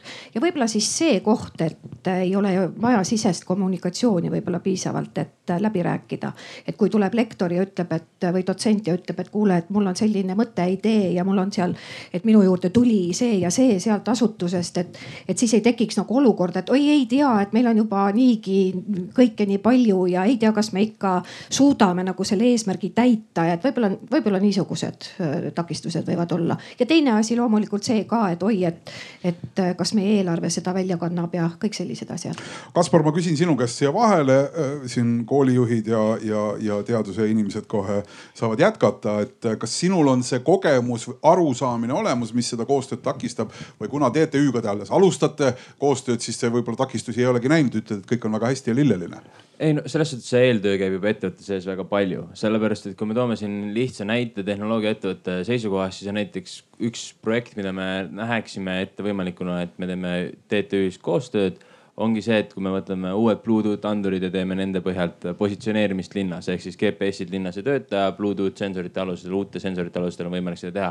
nüüd on küsimus see, et kas me reaalselt ülikooliga jõuame selleni kiiremini, kui me jõuame sellena ettevõtte sees ja, ja see ongi see koht, kus ettevõttena sa pead analüüsima, et kui ma toon selle lisaressursi ülikooli näol või ma toon selle ettevõttesse siseselt, kuhu, kuhu ja ma jõuan kiiremini ja kaugemale et äh, see analüüs toimub meil kogu aeg ettevõtte sees, kui me arutame neid nii-öelda võimalikke koostööpunkte läbi. aga seda teeb raskemaks see, et isegi kui me tahame edasi minna, siis ülikooli sissepääsemine on alati raskendatud. mis see tähendab raskendatud? See tähendab, noh, ütleme meid ümbritseb päris suur hunnik nõunikke ja esimene küsimus on. Teid või neid? meid, meid, meid, meie ettevõtet äh, nõunikke ja esimene küsimus alati, mida meie käest küsitakse, on, keda sa tead see on esimene küsimus, keda sa tead ülikoolist, sellepärast et äh, sul on vaja teada kedagi, kes seestpoolt sul aitab selle projekti sisse tuua ja kui sa ei teagi kedagi, siis sul ongi keeruline, sest et siis alustad seda algusest peale sa käid erinevate paneelide ees nii-öelda noh, nii-öelda tutvustad seda ideed ja mängid ja mängid ja see võib võtta aga, mitmeid kuid. kuidas sa selle TTÜ siis, kas sa teadsid sealt kedagi või ei teadnud? ja meil on pooled on TTÜ vilistlased okay,, meil oli no, lihtsam sisse saada, et noh, selles suhtes, aga see on juba taas barjäär, mida, mida me oleme noh, mida on üles loodud. mina ei ole Eestis ülikoolis käinud, ma ei tea Eesti ülikoolides mitte kedagi et noh, see ongi see koht, et jumal tänatud, meil on insenerid on kõik TTÜ-st ja, ja meil oli lihtsam sinna sisse saada, jutule saada ja asju edasi ma arendada. võin anda sulle Aaviksoo numbri pärast. noh, oleks vaja vist Mm -hmm. no Mart, võta nüüd oma list ka välja, hakkame vaatama. ma, ma veel ei võtaks, ma tuletaks meelde, et meil on üks asi on nagu, et eh, see, millest me oleme hakanud palju rääkima, on, kui kolmas osapool paneb ülikooli ettevõtte suhtesse raha sisse, ehk siis mingid projektid, mingid fondid.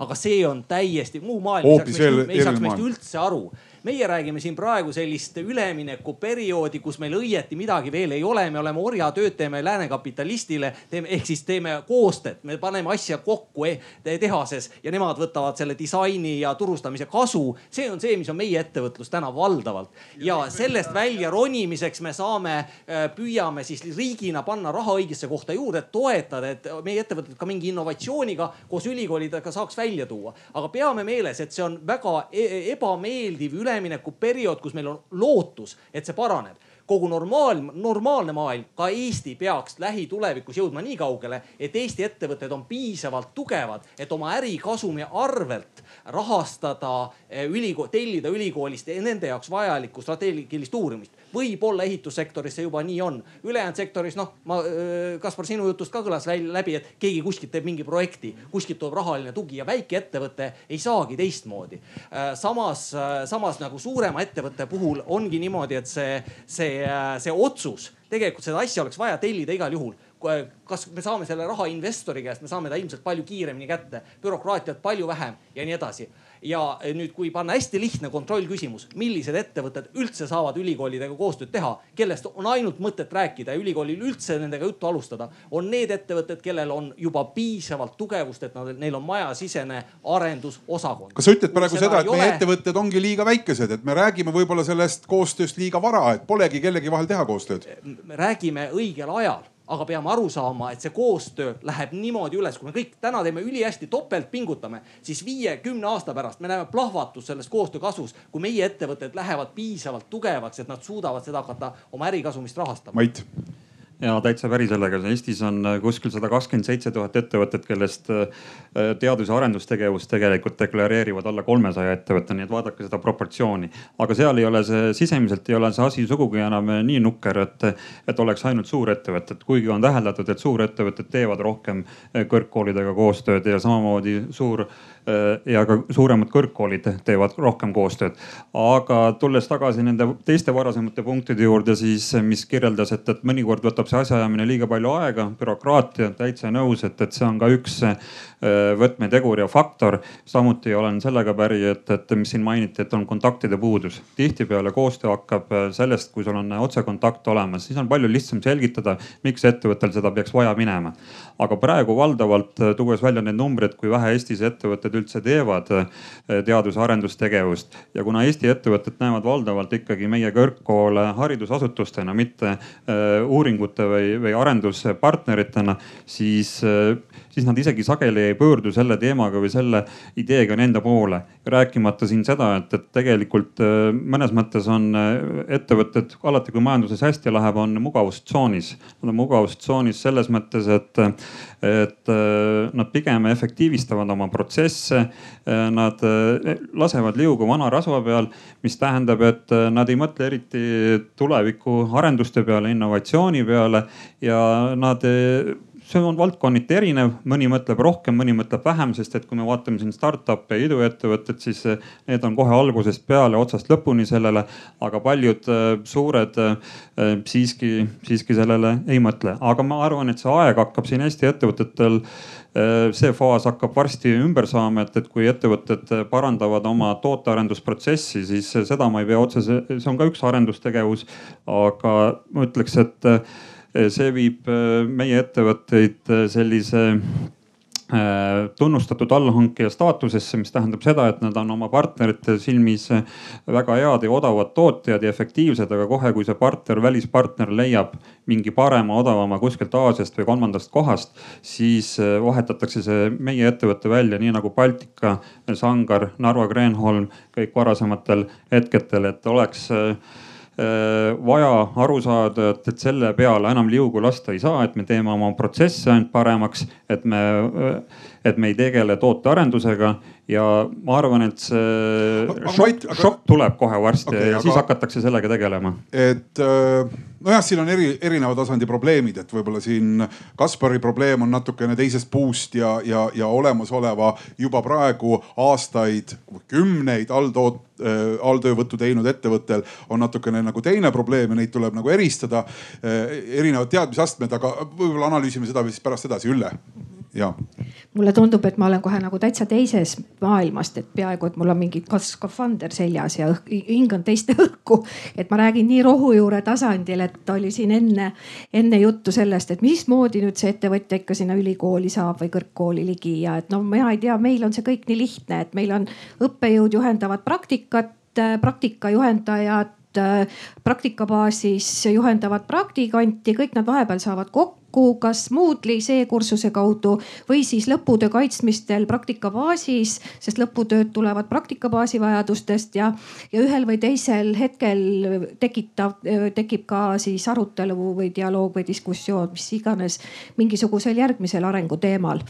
ma toon nüüd ühe, ühe näite sellest, mismoodi me oleme olnud äh, fakti ees, et äh, et me oleme hädas. Äh, haiglad hakkasid äh, mitmeid aastaid tagame, tagasi ägama praktikantide voo all, sellepärast et tervishoiukõrgkoolid pidid võtma rohkem õenduse tudengeid õppesse vastu, kuna meie ju vajame õdesid väga palju rohkem, kui me neid praegu koolitame ja haiglas oleku päevad on miinimumi viidud, kuna teadus ja, ja teadustulemused seda kõike võimaldavad. ja nüüd ja haiglavoodikohti on ka siin paarikümne aasta jooksul väga palju vähendatud. ehk siis me ei saa panna haiglavoodisse inimest ja talle iga päev ümber kümme praktikanti, kes kõik tema peal harjutavad. no ja siis me saimegi tegelikult kokku tööandjatega ja, ja meiepoolne lahendus oli see, et arendame siis välja suure simulatsioonõppekeskuse, kus üliõpilased omandavad praktilisi teadmisi eh, tarkade nukkude peal. lühendame praktika eh, osakaalu õppes, selle päris inimese peal tehtud praktika osakaalu. ja nii me tegelikult selle olukorra ka ära lahendasime ja praegu me uurime läbi kahe uuringu, pika, pikaaegsel uuringu siis seda, et milline on see efekt lõppude lõpuks siis, kuidas äh, targa nuku peal õppinud üliõpilane praktikabaasis hakkama saab. ja need on kõik tekkinud just nendest otsekontaktidest, et äh, ma ei oska teile kohe nõugi anda, et võib-olla siis praktikat suurendada või kuidas elada, aga, aga nii me töötame mm.. jah, Aivar. Kaspari Kasparil oli minu arust üks väga hea küsimus, et et, et kuidas saada aru, et kas meil tuleb see lahendus kiiremini tellides ettevõttelt või ülikoolilt. ja minu arust vot siin nüüd olekski sellist head filtrit vaja, see ei puuduta ainult teie ettevõtet, ettevõtet. et see on see võib-olla ka minu, minu tänaste juttude algus, et, et me peame ikkagi aru saama, et mis laadi uuringut me konkreetselt vajame. on see konkreetselt ütleme nii juppide ostmine ja targalt kokkupanemine või siis tegelikult ikkagi alusteaduse tegemine et need jupid oleksid õiged ja toimiksid õigesti, eks. et ma, ma arvan, et me, me võib-olla ka selles arutelus äh, niimoodi triblame tegelikult kahe sera vahel, et, et, et üks serv ongi see, mis konkreetselt ju ettevõtet huvitab, et, et võtke need asjad, pange need hästi kokku ja, ja, ja andke mulle kohe see toode ja ma tahan seda toodet kasutama hakata, see on tegelikult väga inimlik ju ettevõtte seisukohalt. ja nüüd siis on seesama kümne aasta lugu, et mis siis kümne aasta pärast saab. et vot mul ei ole head mõtet ja võib-olla pigem küsimus õhku, et kus siis selline filter peaks asuma, et ka tegelikult seesama ettevõtja saaks aru, et mis laadi tal probleem on ehk sa mõtled filtri all umbes EAS, kes oskaks selle osas nõu anda? ma ei os-, ma, ma arvan, et võib-olla see kolm või tähte... ütleme lihtsalt EAS-il on võib-olla nii nagu juba lõhn või maitse juures, et ütleme lihtsalt mingi muu tähekombinatsioon, aga et see on kuskil. PHD on see tähekombinatsioon, kui omanik võtab kõik oma tulu dividendidena välja selle asemel, et panna sellest kõrvale ühe eh, doktorikraadiga inimese palga, kes seda arendust siis toetab ettevõttes. see ettevõte muutub väga palju targemaks tellijaks ülikoolide suunas. ma arvan, et seda võiks omanikud mõnikord mõnikord mõelda. aga Mart, võta nüüd ikkagi need punktid välja, mis muutust me vajame, et, et ülikool ja ettevõtlus kiiremini, paremini, tõhusamalt kokku saaksid omavahel? ma ütlen vahele seda, et, et meil on kuskil kuus-seitse doktorikraadiga, kraadiga inimest tuhande töötaja kohta Eestis. nii et see on see suhe, nii et, et selle üle tasub täitsa mõelda, et, et kui paljudesse ettevõtetesse seda siis äh, mahub ja jagub, ma arvan, et need nendest kuuest võib tihtipeale neli-viis olla ühes ettevõttes ja ülejäänud ettevõtetes, ülejäänud siis selles üheksasaja, kaheksasaja töötaja hulgas mitte ühtegi. Nemad käivad konverentsil nii, Ülle veel. üks hästi pisikese see doktorikraadi teema, et et äh, meie, no jälle meie näide, et äh, tasub ristkasutada doktorikraadiga inimesi, et äh, näiteks meil on dotsendid sellised, kes on ka näiteks Põhja-Eesti Regionaalhaigla õendusjuht ja meil on ka dotsent, et see on juba väga hea sild kahe organisatsiooni vahel. Ja see just meditsiinivaldkonnas, kui ma olin Self-Diagnostics ühe omanikuga ühes planeelis koos ja tema ütles, et noh, meil on seitse doktorikraadiga inimest, et manageerida kolme ülikooli doktorit ja mitte halvustavalt, vaid sellepärast, et näidata, mis peab olema ettevõtte commitment selleks, et koostöö oleks edukas. me alati ju, kui me tellime kellegi käest nagu, me peame olema tark, et me saame õiget asja, tavainimesena me saame ka mingi jama, kui me ei uuri, mida me ostame aga noh, kiire nimekiri, mis ma saan aru, sa tahad, et ma saaks selle ikka ette lugeda. kui esitada küsimus, et mida üks ettevõte ülikooli käest tahab, siis esimene punkt on see, et seal ülikoolis peab olema seda, selle kategooria teadmus, mida meil on vaja ja see on Eesti eripära, et meil seda on väga vähe. sellepärast, et kujutage ette, kui meil on näiteks USA-s kümme tuhat ülikooli ja kümme tuhat, sada tuhat ettevõtet, siis tõenäosus, et tekib nagu perfektne match selle õige töörühma, kes niikuinii juba uurib seda teemat ja ettevõtte vahel otsib üles ja siis äh, umbes maksab kinni, ta võtab riiulist tulemused, annab sulle kätte. see tõenäosus on väga palju suurem kui väikses Eestis, kus on väga palju vähem töörühmi, väga palju vähem ettevõtjaid. tõenäosus, et oleks üks-ühele see teadmus kuskil ülikoolis juba olemas, on väga väike. no need on olud. järelikult meie puhul on oluline alati see, et me peame rääkima sellest, et ülikooli teadusrühm peab ennast painutama sellele teele Äh, mis sobitub ettevõtte huvidega. Ja kui läheb hästi, siis ta ei pea väga palju painutama, näiteks ta on masinõppe äh, spetsialis-, spetsialistid. meil on vaja näiteks metsas toimivat seda, seda objektide detekteerimissüsteemi, ta peab ainult natukene uurima meie probleemi sealt järgmine, järgmine küsimus, esimene oli siis lähedane tarkus, teine küsimus on positiivne suhtumine. kui me läheme ülikooli jutule, siis kas meile vastu tuleb ükskõik, kas ülikooli ametnik või ülikooli teadlane, kuidas ta meile ütleb, kas ta ütleb esimese lausena, ja nii lahe, hakkame koos arutama või ta ütleb, ah mul pole aega, jooksen loengusse äkki keegi teine võtab. saada, saada e-kiri. ja, ja, ja mõlemad äh, lähenemist on ülikoolides kogu aeg olemas nagu igal pool mujal maailmas. ja äh, siin ütlen, et ülikooli jurist on siis lõpuks see, kes püüab kõigele vee peale tõmmata, sest tema ainuke huvi on see, et midagi ei läheks valesti ja kõige parem tõenäosus, et midagi ei läheks valesti, on mitte midagi teha. ehk siis meie väga konkreetne, konkreetne kogemus on ülikooli jurist on kõige suurem pidur äh, ettevõtete ülikoolide koostöös ka meie suur projekt pääses ainult tänu sellele, et prorektor tõmbas kõik läbi, mida ülikooli jurist oli öelnud ja pani oma allkirja alla ja töö sai käima minna.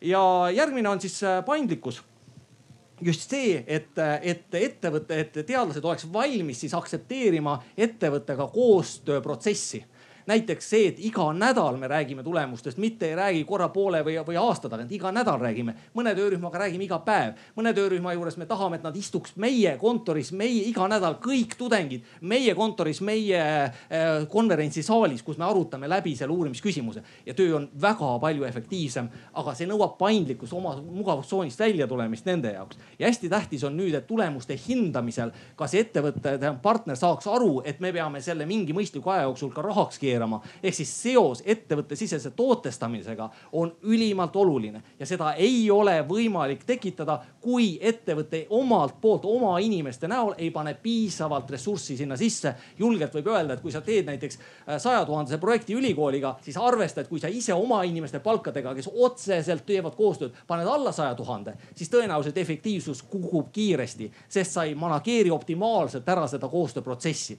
see ei ole kuidagi halb, see on, see ongi hea, nii peabki tegema. ja lõpuks äh, see, mis tulemus, see tuleb lihtsalt teadmine sellest koostööst, et me saame sellest IP välja. Ja mitte noh, ma ei tea, see on täielik luul, et Eesti ettevõtted Eesti ülikoolide käest hakkavad mingisuguseid tooteid kätte saama. see on IP, mis me sealt saame, meie asi, meie oleme profid, seda kiiresti tootestada, sest prototüü-, see isegi prototüübist, no hea küll, prototüübi nad äärmisel juhul võivad meile veel anda, aga sealt edasi tootestamine, seal ülikool ei saa aidata, see on nii nagu Ferrari'ga põldu põldu künda. see ei ole nende väga tublide inimeste äh, kvalifikatsioon nii et laias laastus, kui me need asjad nüüd äh, läbi mõtleme ja sinna paneme piisavalt tugevad Eesti ettevõtted juurde, kellel on piisavalt raha seda koostööd rahastada, siis me lendame. aitäh saad sa pärast Kasparile anda need punktid, siis Kaspar saab selle järgi juhendada. no kas keegi soovib lisada midagi, kas siin on veel mingeid asju? Need kõik tundusid arusaadavad, see puudutas ettevõtlust, see puudutas ülikooli, see puudutas protsesside juhtimist ja, ja mida sellele veel lisada, Kaspar? kuna siin on nii palju ülikoolidega seotud inimesi, siis ma tooksin nii-öelda startup maailma avaliku saladuse ka siin nii-öelda mõtteaineks siin lõpetuseks kaasa, et kui enne mainiti, et ülikoolidega koostööprojekti kirjutatakse põhjusel ja see ei ole raha saamine, siis kõige levinum põhjus on inimeste saamine. ja, ja ma arvan, et see on üks probleem, mida, millega peab tegelema ja, ja see on, seda lihtsalt suurettevõtted, suur startup'id äh, hetkel lihtsalt äh, väga tuimalt kasutavad ära.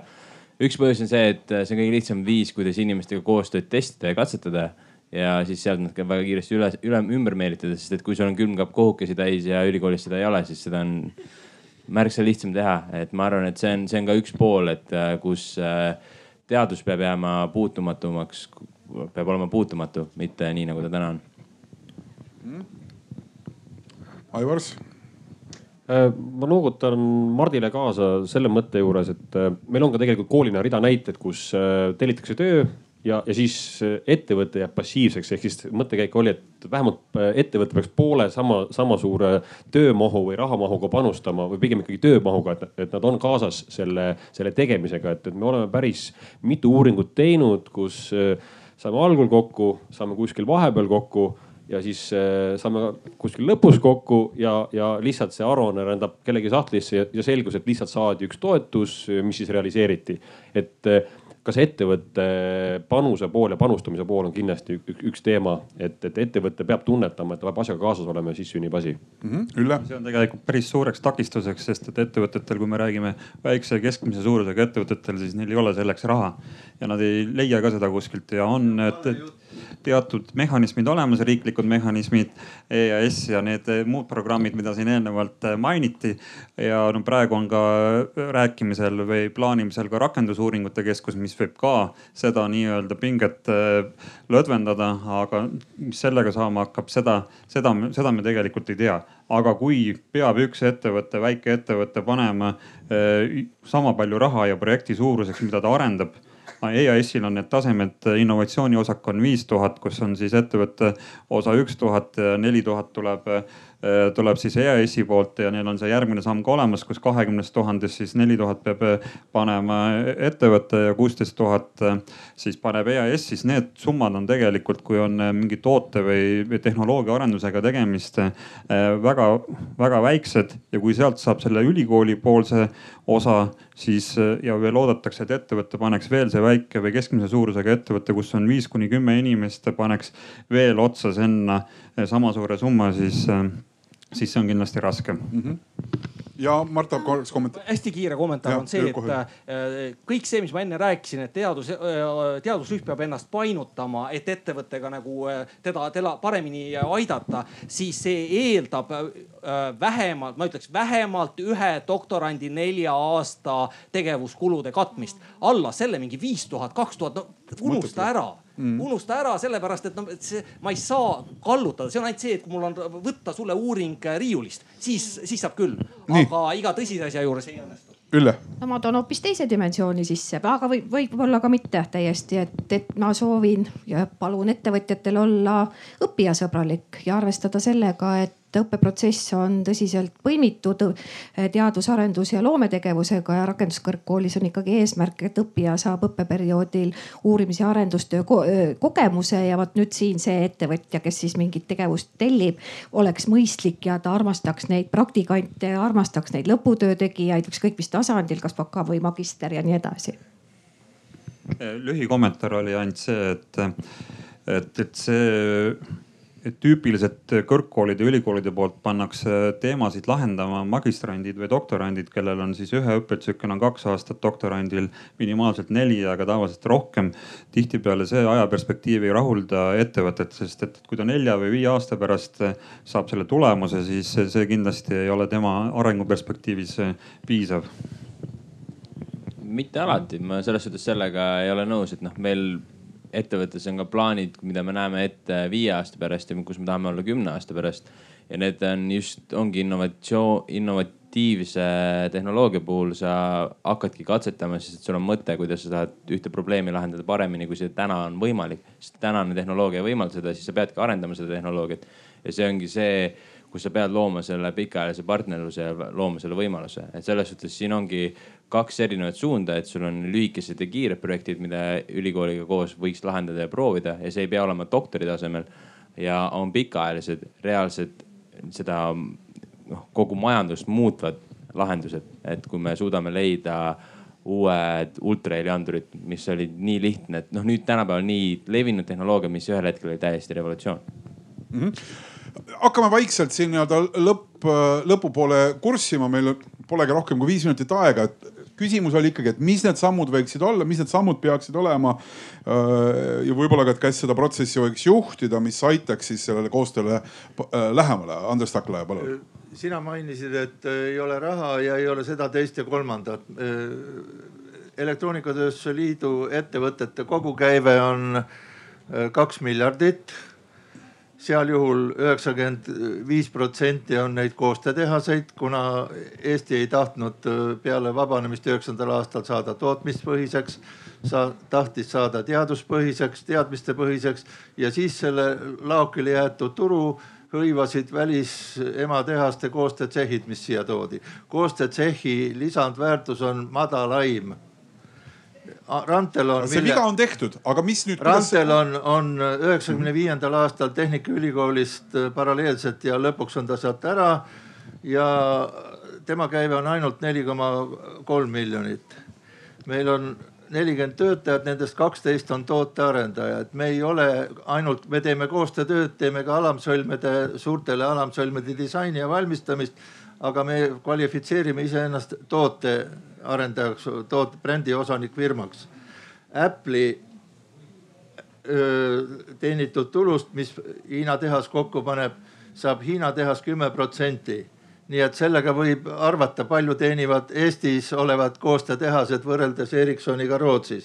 ja, me, ja meie tehas on äh, bränditoote tehas. kuidas me transformeerime seda ja praegust olukorda? meil on kolmsada kuuskümmend viis toodet äh, kodulehel ja me teeme kakskümmend üks toodet äh, aastas, me ei vaja mingisugust tipipoolset elektroonika, sina oled elektroonikas, Mart jah? olen, olen. no vot. ja Andres, aga kuidas me muudame seda olukorda nüüd, kuidas me, me saame teistmoodi?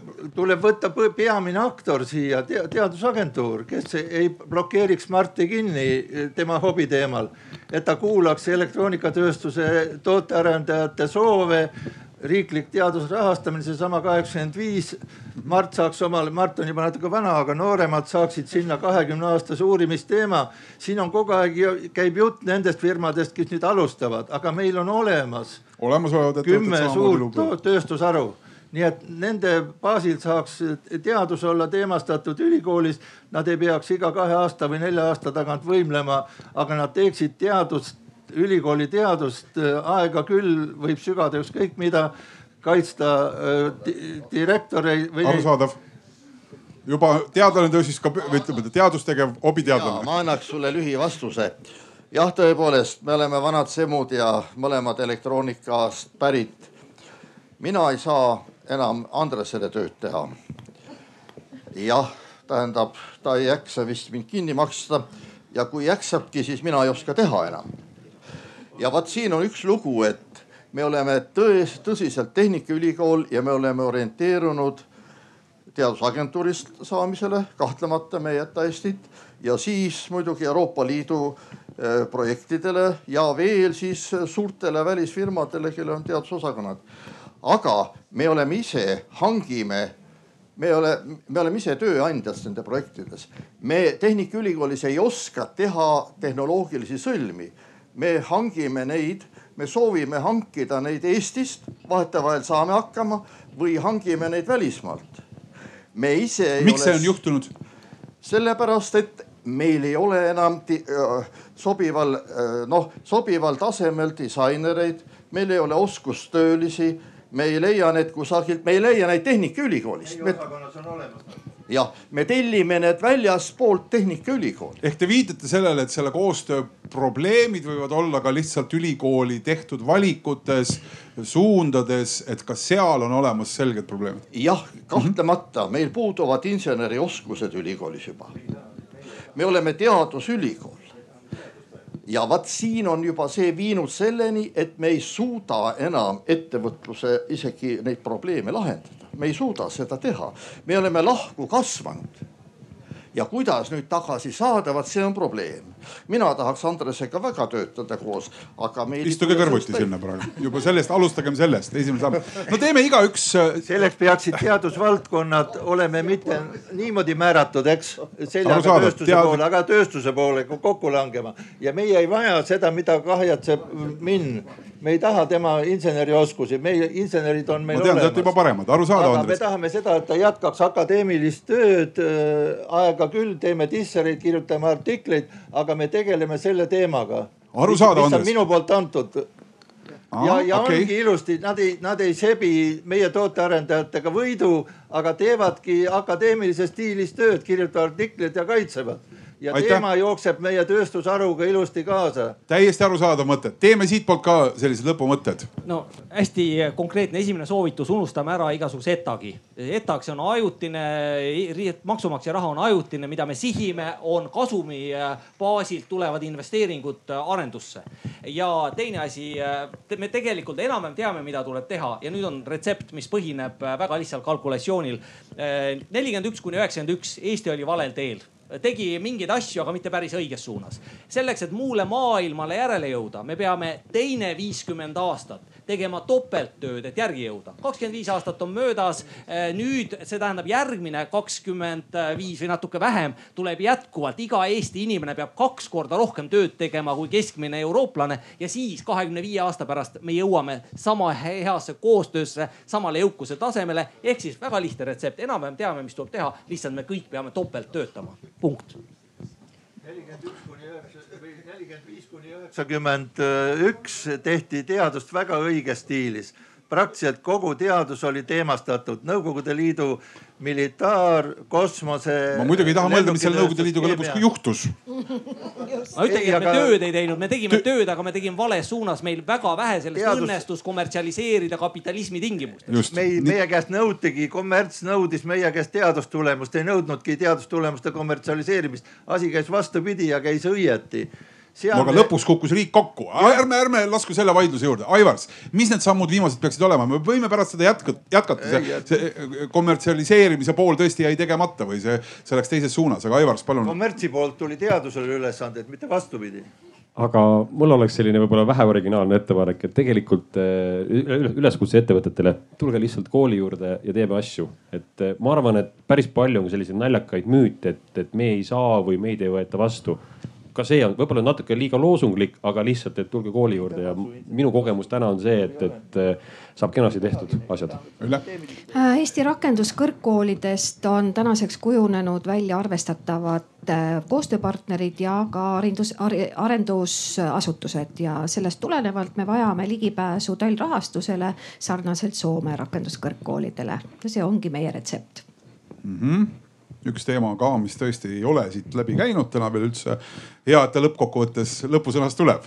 Mait no meil jääb ainult nõustuda sellega, et, et äh, kõik ettevõtted on meie poole teretulnud, aga lisaks sellele me ei arva, et, et me peaks kuidagi ennast niimoodi äh, väärtustama, et, et, et meie oleme kuskil kõrgel elevandiluu tornis, vaid me näeme, et, et ja meie ka seda teeme, me oleme samme astunud, et me läheme ise ettevõtete poole ja vaatame, mis nad siis meile vastavad.